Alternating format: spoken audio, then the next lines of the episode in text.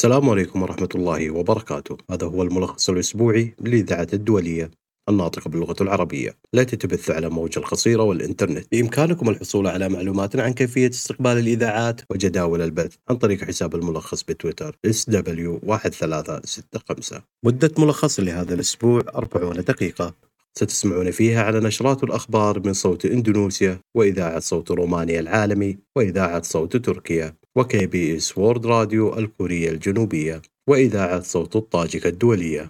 وسنختم ملخص لهذا الأسبوع بتقرير من إذاعة سبوتنيك الروسية. بداية ملخص لهذا الأسبوع صوت رومانيا العالمي. انخفض معدل التضخم السنوي في رومانيا بشكل ملحوظ إلى 11.23% في شهر أبريل نيسان الماضي من حوالي 15% في شهر مارس أذار. لكن هذا لا يعني مع ذلك أن أسعار المنتجات والخدمات لن تستمر في الارتفاع وإنما كانت الارتفاعات في الأسعار أقل. توجد منتجات أصبحت أرخص من شهر مارس أذار في شهر أبريل نيسان مثل الزيت وفقا للبيانات التي نشرها يوم الجمعة المعهد الوطني للإحصاء. أما التوجه التنازلي للتضخم فسيستمر وفقا لما أكده يوم الجمعة البنك المركزي الوطني الروماني. محافظ البنك المركزي مغوري ساريسكو وجه تحذيرا لأولئك الذين لديهم أو يرغبون بالحصول على قروض بالعملات الأجنبية مشيرا إلى أن أسعار الفائدة لليورو والدولار سترتفع. البنك المركزي الوطني الروماني يتوقع تضخما بنسبة 7.1% لنهاية هذا العام مقارنة بنسبة 7% سابقا ويبقي على تقديراته لنهاية العام المقبل عند 4.2% وأضاف مغري ساريسكو أن مشكلة ارتفاع الأسعار ستستمر لمدة شهرين خاصة في مجال الخضروات والفواكه حيث يتأثر الإنتاج في هذا المجال بالظروف الجوية في أوروبا وبالجفاف في إسبانيا وبأثار الزلازل في تركيا. يوافق المواطنون الأوروبيون على الدعم الذي يقدمه الاتحاد لتنفيذ إصلاحات في الدول الأعضاء وفقا لمؤشر دراسات استقصائية أوروبي سريع يوروبارومتر فلاش أجري الشهر الماضي عبر اتصالات هاتفية. وبالتالي يعتقد 42% من الأوروبيين أن بإمكان الاتحاد الترويج لتبادل ممارسات أفضل بين الدول الأعضاء. كما تؤكد نفس النسبة على أهمية الدعم الذي يقدمه الاتحاد الأوروبي للدول الأعضاء في إدارة الأزمات مثل الأوبئة أو الكوارث الطبيعية أو النزاعات. ويعتقد 34% من المستطلعة آراؤهم أن الاتحاد الأوروبي يمكن أن يزود الدول الأعضاء بالمعرفة والخبرة اللازمة لتصميم وتنفيذ الإصلاحات. الإدارات العامة في الدول الأعضاء يمكن أن تصبح أكثر كفاءة وفعالية في رأي قرابة نصف المواطنين. ولزيادة الثقة يقول كثير من الأوروبيين إن ذلك يستوجب بيروقراطية أقل وشفافية أكثر فيما يخص القرارات واستخدام الأموال العامة. وبالمثل يعتقد الأوروبيون أن الصحة العامة والتربية بحاجة إلى إصلاحات أكثر من غيرها. أخبار طاجكستان المحلية مع صوت الطاجكة الدولية. السلام عليكم ورحمة الله وبركاته. أهلا بكم سيدات والسادة إلى هذه النشرة الإخبارية نأتيكم من صوت الطاجكة الدولية وهذه عناوينها رئيس جمهورية طاجيكستان إمام علي رحمن يجري محادثة هاتفية مع الزعيم الوطني رئيس خلق مصلحة لتركمانستان قربان قولي بردي محمدوف. زعيم الأمة إمام علي رحمن يستقبل المبعوث الخاص لرئيس جمهورية كوريا الأمين العام لإستراتيجية المستقبلية جانغ سانغ مين.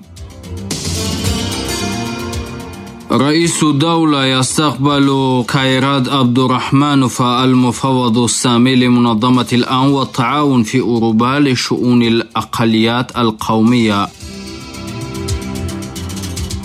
رئيس مجلس النواب يغادر إلى مدينتي باكو ومينسك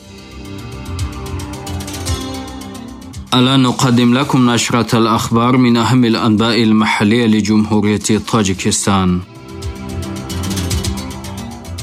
أجرى اليوم مؤسس السلام والوحدة الوطنية زعيم الأمة رئيس جمهورية طاجكستان فخامة رئيس إمام علي رحمن محادثة هاتفية مع الزعيم الوطني لشعب تركمانستان رئيس خلق مصلحة لتركمانستان قربان قولي بردي محمدوف.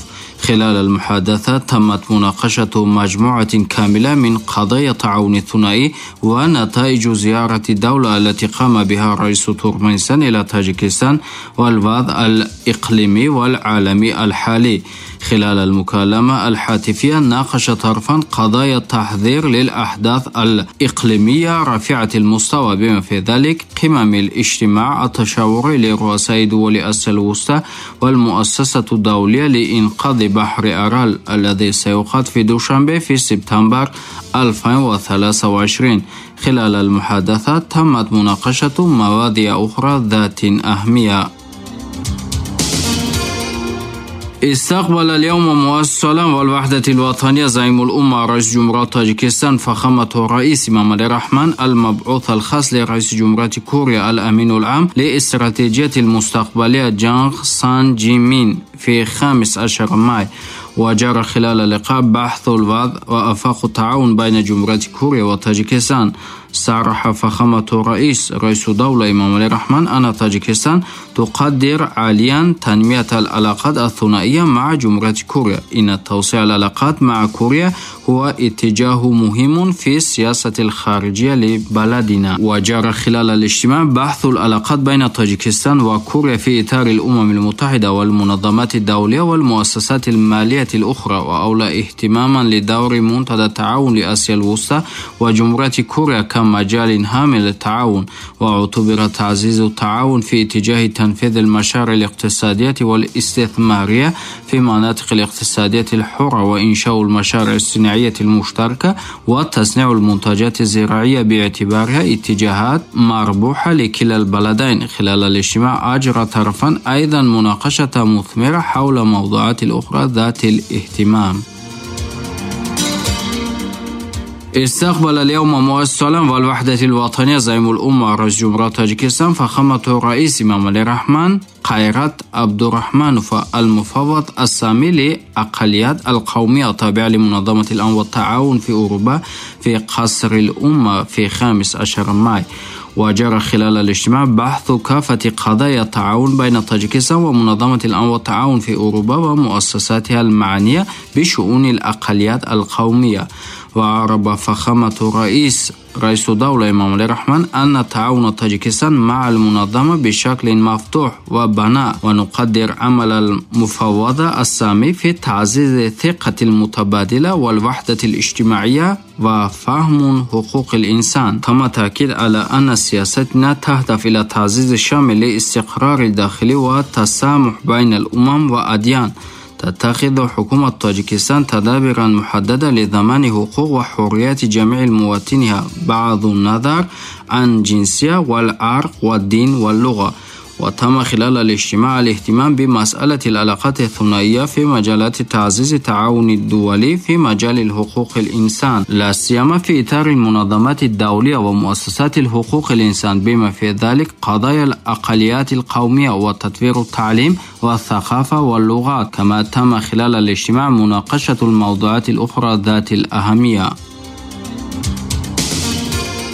قام اليوم وفد البرلمان للبلاد برئاسة رئيس المجلس الأعلى لجمهورية طاجيكستان محمد طائر ذاكر زودا بدعوة من رئيس الملي مجلسي جمهورية أذربيجان بزيارة باكو لمشاركة في جلسة خاصة لمجلس الملي لجمهورية أذربيجان بحسب مجلس النواب التابع لمجلس العالي لجمهورية طاجيكستان ستعقد جلسة الخاصة للجمعية الوطنية لجمهورية أذربيجان في السادس عشر ماي وبدعوة من رئيس الجمعية البرلمانية لمنظمة معاهدة الأمن الجماعي فياتشيسلاو فولودين سيشارك محمد طائر ذاكر زودا في الاجتماع المتنقل لمجلس الجمعية البرلمانية للمنظمة الذي سيعقد في السادس عشر ماي في مدينة مينسك بجمهورية بيلاروسيا. كما يضم الوفد رئيس لجنة مجلس النواب للشؤون الدولية والنقابات العامة والإعلان سعيد مراد فتح زودا أقيدت الجولة التالية من المشاورات السياسية بين وزارة خارجية جمهورية طاجيكستان ووزارة أوروبا وشؤون الخارجية لجمهورية فرنسا يوم 12 ماي في دوشنبه. بحسب وزارة شؤون الخارجية في طاجيكستان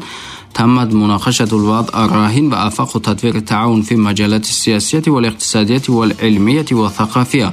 وأكد طرفان استعدادهما واهتمامهما المتبادل بتوسيع العلاقات التجارية والاقتصادية والتفاعل في مجال الطاقة الكهربائية وإنتاج الطاقة من مصادر البديلة والطيران وتجهيز المنتجات الزراعية. يتم النظر في إنشاء مدن ذكية وإمكانية التبادل الأكاديمي والبحثي. بار الانتخابات التركية من إذاعة صوت تركيا.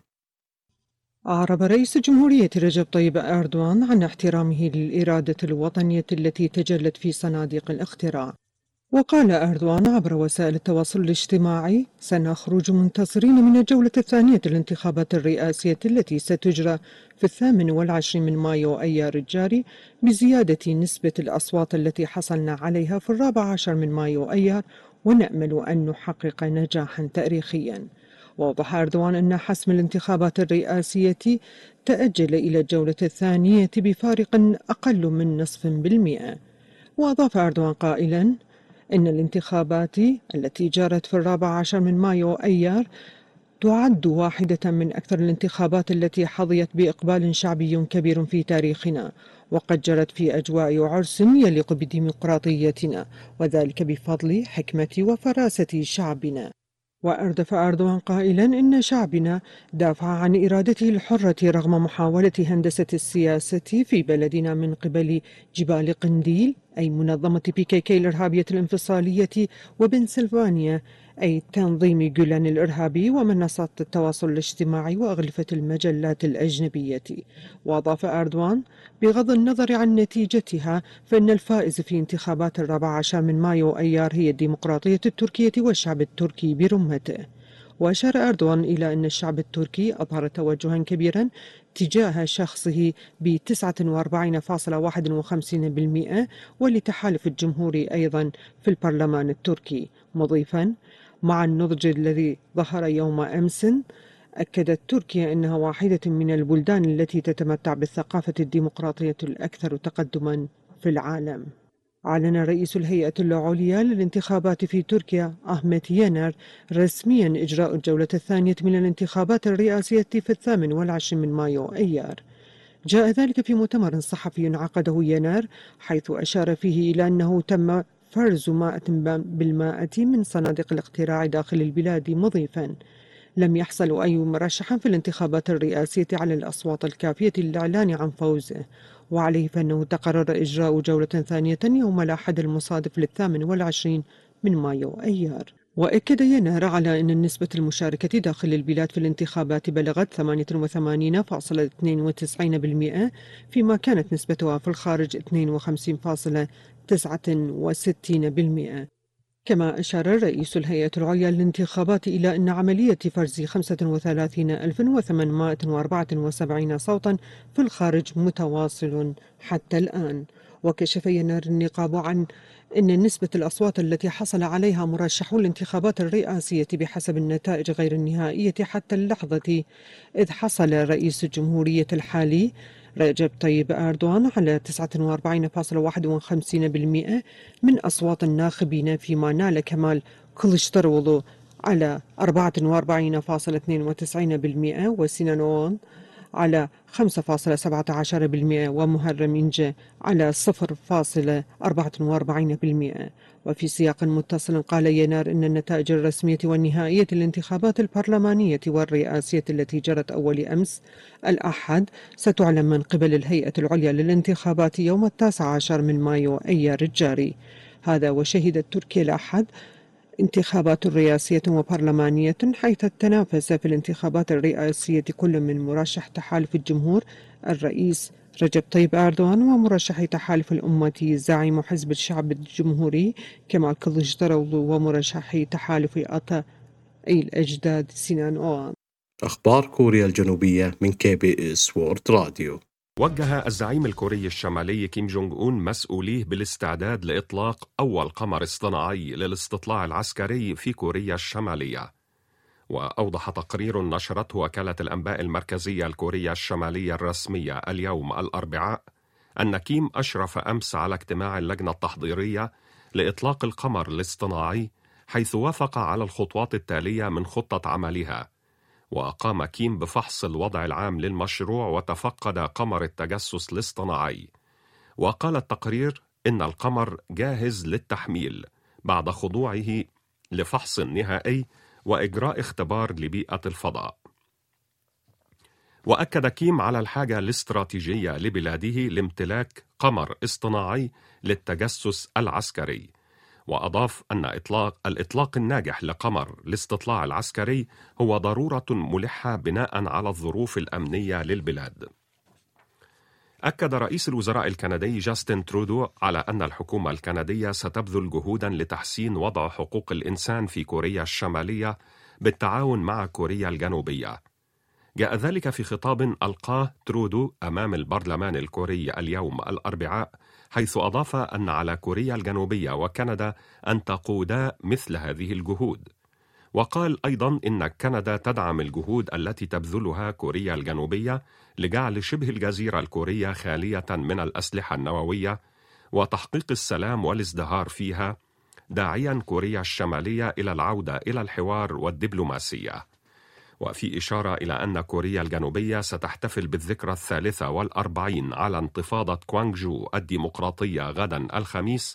قال ترودو إن انتفاضة كوانغجو تعد بمثابة تذكير بأن الديمقراطية في كوريا الجنوبية لم تكن تنشأ بالصدفة مشددا على أن الديمقراطية في ذروتها ستكون أقوى دائما من الدكتاتورية. قررت حكومة كوريا الجنوبية تقديم دعم مالي لأوكرانيا عن طريق صندوق التعاون للتنمية الاقتصادية. والتقى نائب رئيس الوزراء للشؤون الاقتصادية ووزير المالية الكوري تشو كيونغ هو اليوم الأربعاء بنائبة رئيس الوزراء ووزيرة الاقتصاد الأوكرانية حيث وقع معها اتفاقية بشكل مبدئي على تقديم دعم مالي لأوكرانيا عن طريق صندوق التعاون للتنمية الاقتصادية. الجدير بالذكر أن الحكومة الكورية الجنوبية تقدم قروضا طويلة الأجل بفائدة منخفضة للدول النامية لدعم التنمية الاقتصادية والصناعية فيها.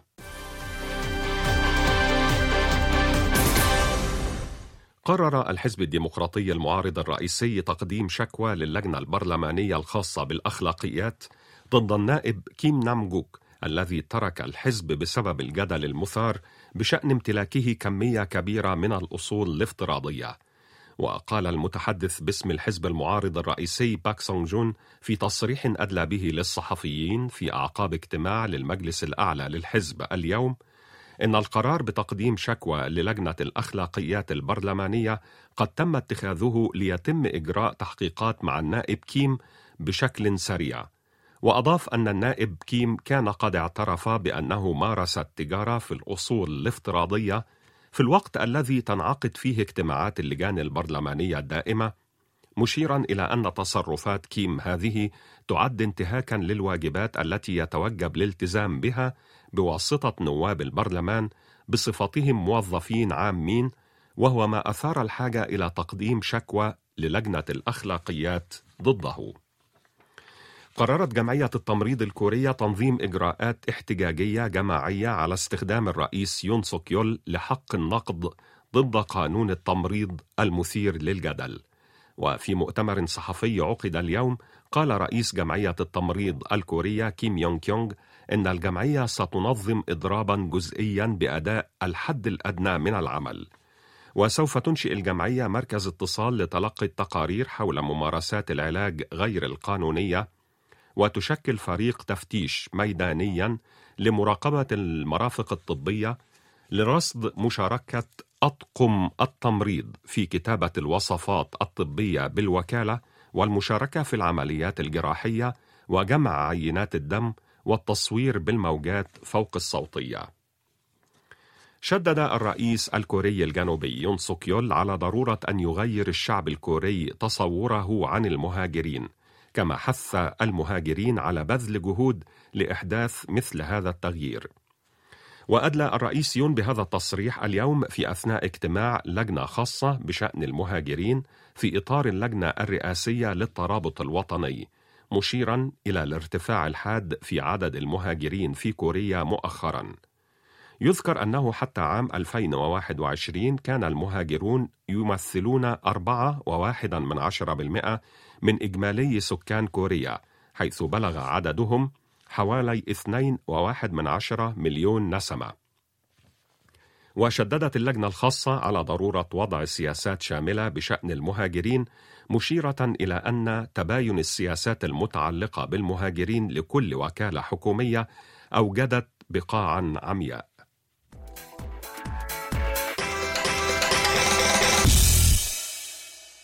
تم تحديد مدينة سونغدو الدولية بإنشن كمقر رئيسي للهيئة الخاصة بشؤون الكوريين المقيمين في الخارج البالغ عددهم سبعة ونصف مليون شخص.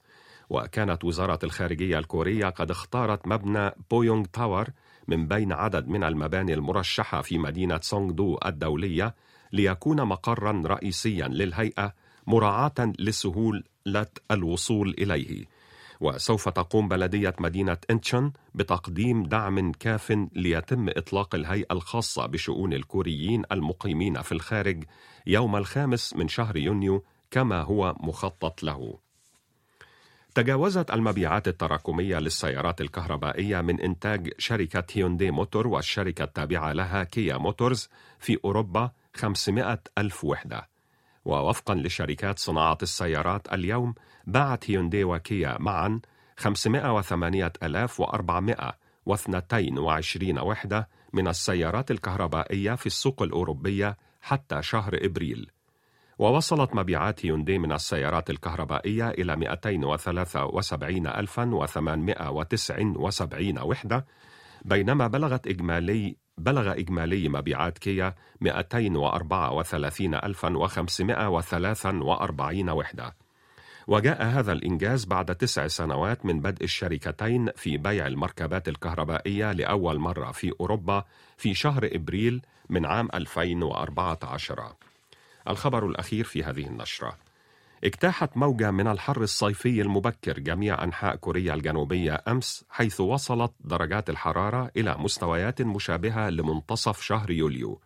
وقالت هيئة الأرصاد الجوية الكورية إن أعلى مستويات لدرجات الحرارة خلال النهار في معظم أنحاء البلاد تجاوزت بكثير المعدل الموسمي. ومن المتوقع أن تستمر درجات الحرارة مرتفعة بحيث تزيد عن 30 درجة في المناطق الداخلية وعلى طول الساحل الشرقي اليوم الأربعاء أيضا. نشراتنا صوت إندونيسيا. صرحت وزارة الأشغال العامة والإسكان العام أن الوجهة السياحية ذات الأولوية الفائقة لابوان باجو بغرب مانجاراي بشرق نوسا تنغاراي تحتاج إلى الاستمرار في التجهيز والتطوير بمختلف البنية التحتية. إن وجود طريق لابوان باجو الجديد المؤدي إلى غولو موري والذي يبلغ طوله 25 كيلومتر مع المناظر الطبيعية الجميلة على طول الطريق سيفتح العديد من الفرص لمناطق الجذب السياحي الجديدة. صرح بذلك من قبل فريق الخبراء من وزارة الأشغال العامة والإسكان العام للتكنولوجيا والصناعة والبيئة وكذلك المتحدث باسم الوزارة أندرا إس أتما ويجايا في بيان بجاكرتا يوم الخميس. قال أندرا إن وزارة الأشغال العامة والإسكان العام قدمت الدعم الكامل لعقد القمة الثانية والأربعين لرابطة أمم جنوب شرق آسيا في 9 حتى 11 من مايو 2023 في لابوان باجو بشرق نوسا تنغرا من خلال توفير البنية التحتية المختلفة. لقد غير هذا الوجه ورفع المكانة لابوان باجو. فالأخبار المتوالية تعيد وزارة الشؤون البحرية والثروة السمكية في عام 2023 تصميم مرفق البنية التحتية لمشروع تجريبي لقرية صيد متطور متكاملة في قرية سامبر بينيري ببلدية بياكنونفور ببابوا. صرح رئيس خدمة مصائد الأسماك بياكنونفور السيد أفندي إغريسا في بياك ببابوا يوم الخميس في برنامج تطوير المخطط لقرى الصيد المتقدمة التي تم دمجها من قبل وزارة الشؤون البحرية والثروة السمكية في العشرة مواقف في إندونيسيا بما في ذلك في بابوا ورصيف وورس سفن وتخزين بارد ومصنع ثلج وسيتم بناء سوق السمك وكان فندي أن وزارة الشؤون البحرية والثروة السمكية ستنصب وكالة خدمات عامة في قرى الصيد بهدف تطوير مراكز الاتصال ومراكز التدريب التي سيتم ملؤها بالمرشدين في محاولة لتحسين جودة الموارد البشرية. بالإضافة إلى ذلك زيادة إنتاجية صغار الصيادين أعضاء التعاونيات.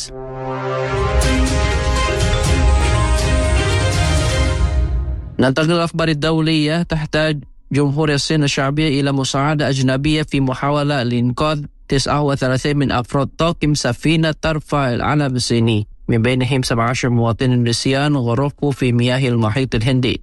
شكرت وزارة الخارجية الصينية في بكين يوم الأربعاء هيئة السلام البحرية الأسترالية.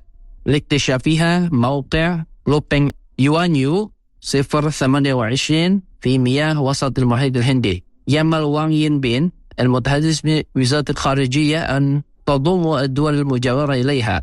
في وجود البحث والإنقاذ لطاقم السفينة صرح وأن في مؤتمر صحفي أن الطرف لا يستسلم طالما لا يزال هناك عمل في إنقاذ حياة أفراد الطاقم الذين يعملون لصالح شركة سهن الصينية بنغلاي جينلو Fisheries Co Limited وأضاف وأن أن الحدث لفتت انتباه الرئيس الصيني شي جي بينغ الذي أمر على الفور وزارة الخارجية والبعثات الدبلوماسية الصينية في الخارج بالتنسيق مع عدة دول بما في ذلك استراليا وإندونيسيا والفلبين وسريلانكا وجزر مالديف.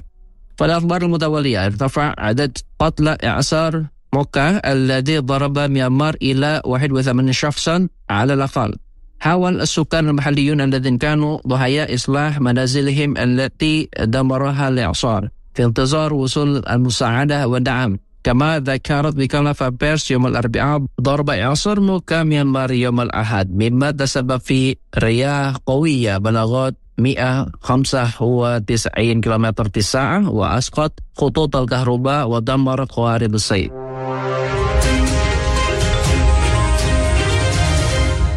في ختام الأخبار استعد تركيا السفير الألماني في أنقرة يوم الأربعاء للتعبير عن إدانتها لاحتجاز صحفي صحيفة تركيا موالية للحكومة في ألمانيا. وفقا لوزارة الخارجية التركية فإن استدعاء تركيا للسفير الألماني هو أحدث حالة في العلاقة الموترة بين الدولتين العضوين في الناتو.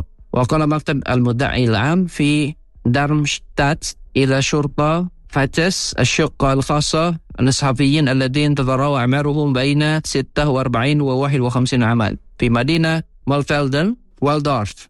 الاشتباه في مشاركتهم بيانات شخصية ضارة صادر المحققون وسائط التخزين الإلكترونية وغيرها من المعدات واحتجزت الشرطة شخصين لكنها أطلقت صرحهما فيما بعد. في ختام ملخص لهذا الأسبوع تقرير من إذاعة سبوتنيك الروسية. اعتمدت دول مجموعة السبعة الكبار اليوم آلية جديدة لتنويع شبكات الإمداد الدولية. يتم تطبيقها بحلول نهاية العام الجاري كحد أقصى بهدف الحد من تبعيتها للصين. وقال وزراء مالية دول السبع الكبار إن الآلية الجديدة تنص على منح الدول ذات الدخل المتوسط والمتدني مساعدات مالية والمساهمة في تبادل المهارات معها وإقامة الشراكات لمساعدتها على تولي دور متزايد في هذه الآلية التي تلعب دورا مهما في الصناعة العالمية بحيث يتم تنفيذ بنودها بالتعاون مع البنك الدولي ومنظمات دولية أخرى ذات الاختصاص. وأشار البيان إلى أن الآلية تهدف إلى مساعدة الدول النامية على عدم الاكتفاء باستخراج المواد الأولية للصناعة وحسب بل وتمنحها القدرة على إعادة تحويلها محليا ما سيجنبها اللجوء إلى الصين للقيام بذلك. وتعتمد هذه السياسة على مفهوم شائع بين دول مجموعة السبع الكبار يهدف إلى الحد من المخاطر المحيطة بشبكات الإمداد العالمية دون التسبب بفك الارتباط مع الصين.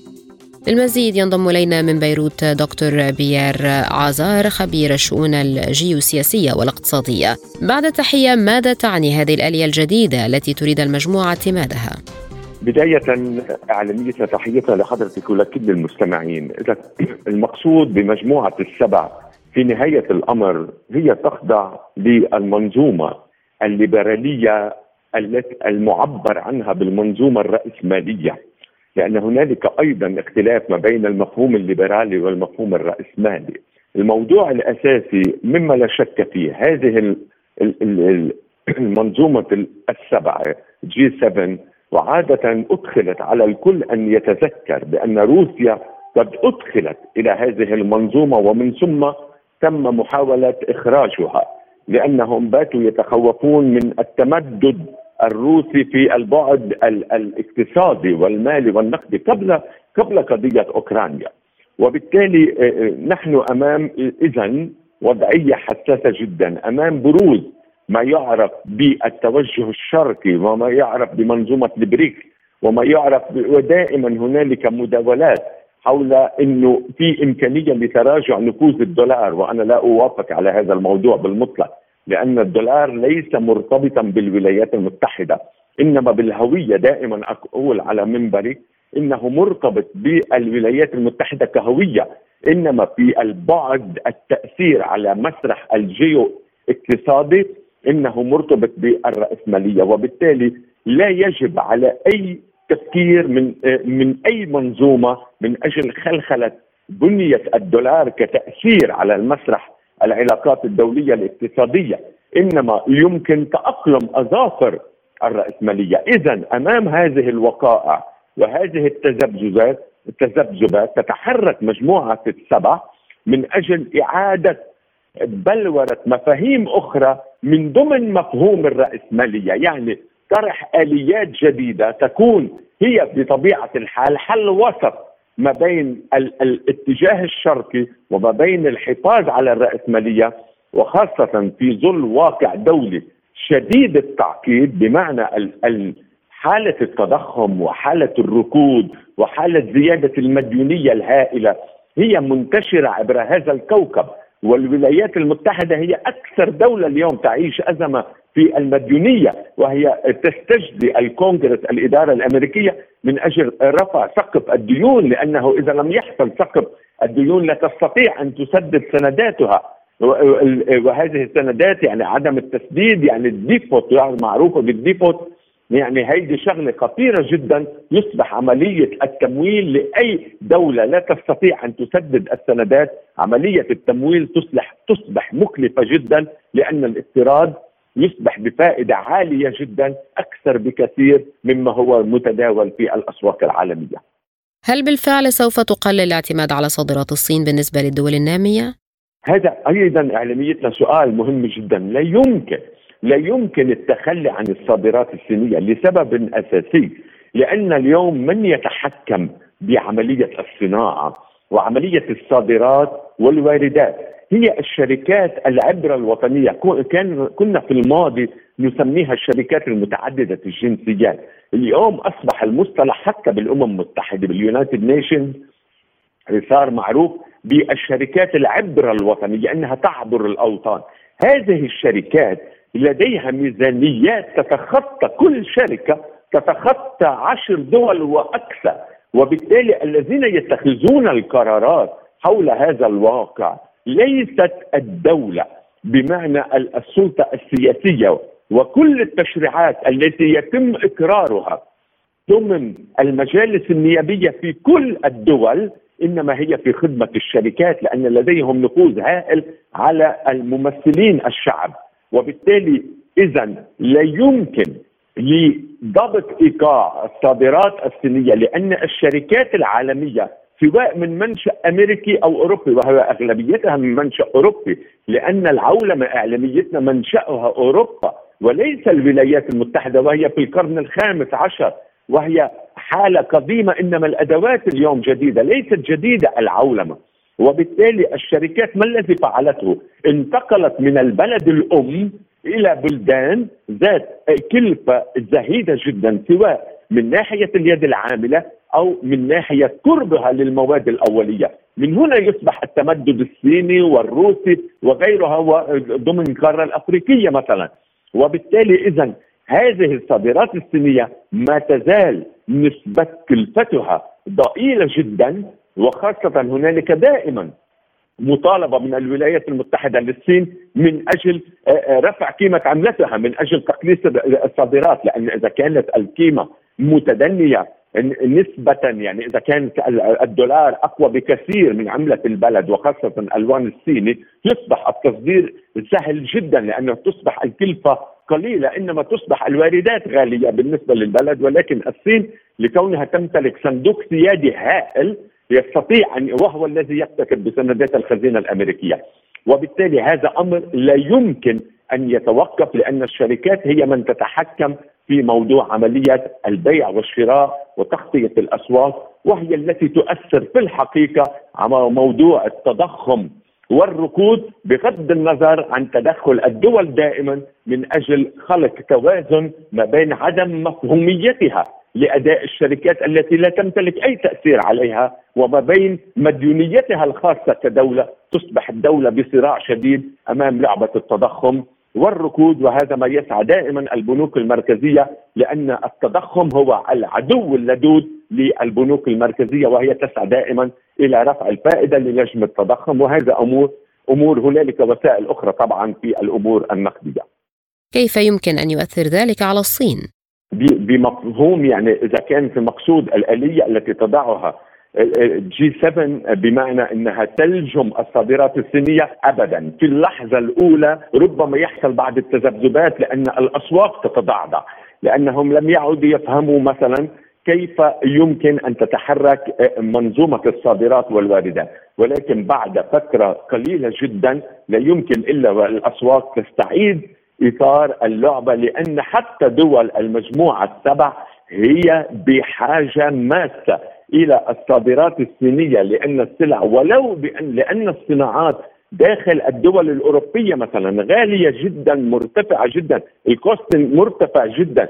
وبالتالي لا يمكنهم أن يحققوا نوع من ال competition المنافسة بموضوع الصادرات والإنتاج لأن عادة عندما نفرض رسوم جمركيه من أجل تطوير الصناعة أو حماية عفوا الصناعة الداخلية إذا كان لديها قدرة ولكن هذه الصناعات ضمن مجموعة الدول السبع مرتفعة جدا الكلفة نسبة إلى الصانع الصيني وغير الصيني طبعا وبالتالي هذا أمر يتخذه المستهلك، المستهلك دائما يبحث عن الأرخص بالرغم من كل الإجراءات لأن إذا منعت الدول السبعه بالياتها أو لجمت منسوب التصدير للصادرات الصينية فإن الصين تفقد سيولة.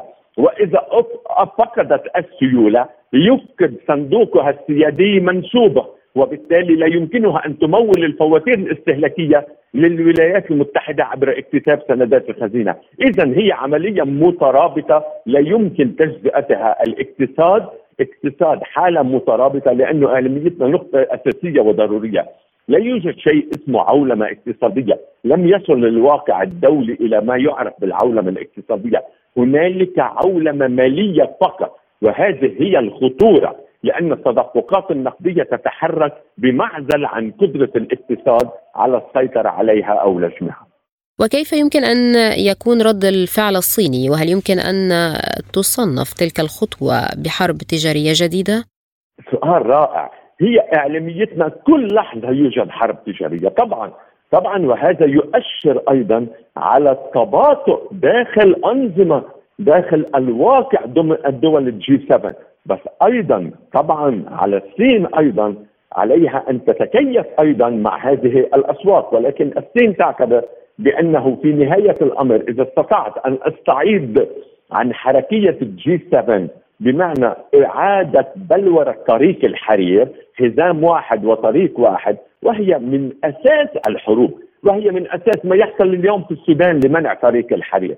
وليس فقط لمنع تمدد روسيا ولكن للصين ما حصل في بيروت بانفجار بور بيروت هو من أجل منع الصين بالتحكم بمنطقة الشرق الأدنى من خلال مرفأ بيروت. وهكذا وهكذا دواليك. حتى ما يحصل حتى بقناة السويس حتى عندما يتم إيقاف البواخر بشكل عرضي. يعني ما حصل مؤخرا بقناة السويس منذ فترة عبر الباخره التي هي في الواقع عرض القناة 400 متر.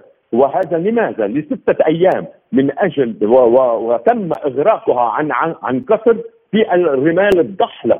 من أجل ماذا؟ من أجل تحويل هذه الطرقات منعا لكي تكون مصر أن تأخذ إيرادات لأن مصر لديها علاقات مع الصين. إذا عملية دقيقة جدا ومعقدة جدا وهذه ليست مؤامرة. السياسة هي بحد ذاتها.